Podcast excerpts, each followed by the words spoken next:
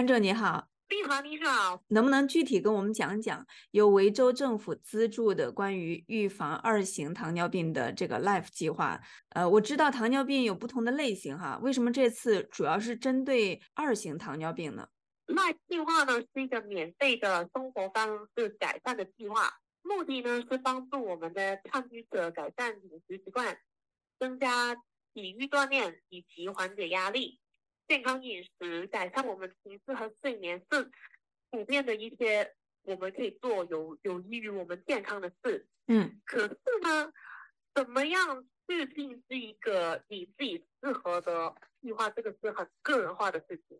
然后我们这计划呢是希望帮助我们的参与者了解自己的生活模式，现阶段可以做的一些小改变、小改变，然后逐渐改变我们的日常习惯以及。希望能够达到一个锻炼一个新的习惯，或者说实现我们长期的健康目标。计划呢由啊专业的健康专家组成，包括营养师和运动生理学家。我们的参与者将会在七个课程中获得持续而个性个性化的支持。计划呢就是会在维州各地开展，并且可以提供团体课程或者一对一的电话辅导服务。刚刚丽华也有提到说，为什么主要是关注在二型糖尿病是糖尿病是吗？嗯，对。糖尿病呢，其实是一个慢性的疾病，它其实的并发症可以很严重的。目前来说呢，它是澳洲增长最快的慢性病，几乎每天有三百个澳洲人患上糖尿病，然后每年呢会有超过十万名澳洲人患上糖尿病。其实糖尿病最主要的种类呢是有一型和二型。一型的糖尿病呢，主要在儿童或是青少年的时候被诊断，所以说这个不不可以预防的。但二型的糖尿病通常在啊成年人中被诊断，并且有许多情况下是可以预防的。在欧洲呢，现在有两到三百万的人患有糖尿病前期，因为我们有这个前期的话呢。都会提高我们患二型糖尿病的风险。为什么它会那么严重？是因为它有可能导致视力问题、腿部截肢的风险、肾衰竭、心脏病跟中风。然后呢，我们的研究呢是显示，大多数的澳洲人呢认为这个是一个严重的疾病，而且相信他们患病的风险比实际上要低。嗯，二型糖尿病是不是跟自己的日常生活习惯有关系？对的，丽华，你说的完全没错。基本上可以包括缺乏运动、不健康的饮食、腰围过大、压力、吸烟、过量的饮酒或酗酒呢，都是会影，都是会增加我们二型糖尿病的风险。那二型糖尿病它的症状有哪些呢？多数人会看的是就是啊，可能尿频、容易疲乏，然后容易口干。嗯。可是呢，很多人呢。不一定会有这些病症在他们的身身上。要知道自己有没有二型糖尿病呢？唯一的方法是可以必须要去检查自己的血糖，嗯，包括我们的糖化蛋白跟那个控制血糖。有些人说这个糖尿病是糖吃多了，这个是不是跟这个有关系呢？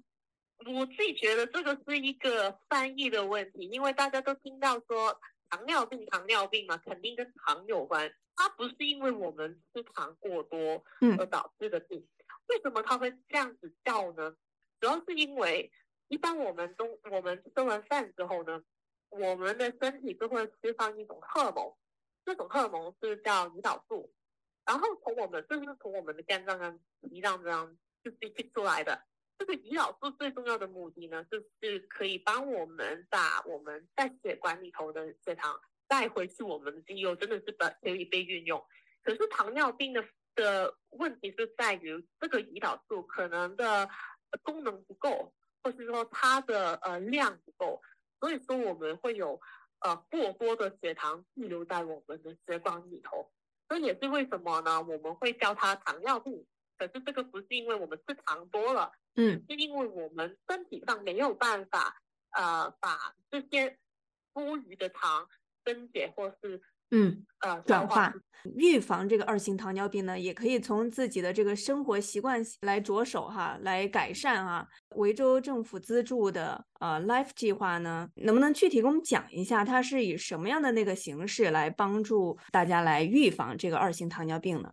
第一个是我们的介绍性的会谈，这个是一个一对一的会谈，主要呢就是了解你自己本身的生活习惯是怎么样。当我们了解到这个呃，刚开始知道你是怎么样的人，然后我们就是团体课程的话呢，我们就是会有四节课来讲一下关于健康饮食、运动、缓解我们压力的一些资讯给你，然后之后再再去呃跟进究竟说有没有什么东西我们是可以按着这些 tips 来做的。之后我也会做我们的一对一的电话辅导呢，一个健康的呃教练一对一，嗯，然后这个是主要是去更了解一下，比方说我本身知道我的饮食 OK 没有问题，可是我的运动我想增加我怎么办？这个是一个更针对性一点的一个呃服务，所以说希望我们从这七节在一年内我们能够建立出一个。更良好的呃生活习惯，一个是呃知识讲座啊，有七节课；另外一种呢是电话的呃咨询。知识讲座是分线上和线下吗？还是说只有线下呢？线上跟线下的呃两种的模式的。那这个是一个免费的项目，主要是针对哪些群体呢？针对的团体呢，主要是。二型糖尿病、心脏病跟中风中度跟高度风险的人，然后它也适用于我们在生活在都市或是偏远地区的呃符合条件的居民。第一步呢，就是可以去访问我们的网站 lifeprogram.org.au，重复一次是 lifeprogram.org.au，并完成一个健康的检查。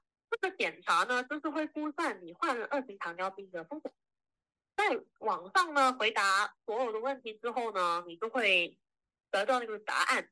如果说你在测试里头的得分是超过十二分，这就代表说你是高风险的，BMI 超过二十三，有亚洲背景的人，或者说你不是亚洲背景，你超过二十五，你就会符合参加我们这个计划的条件。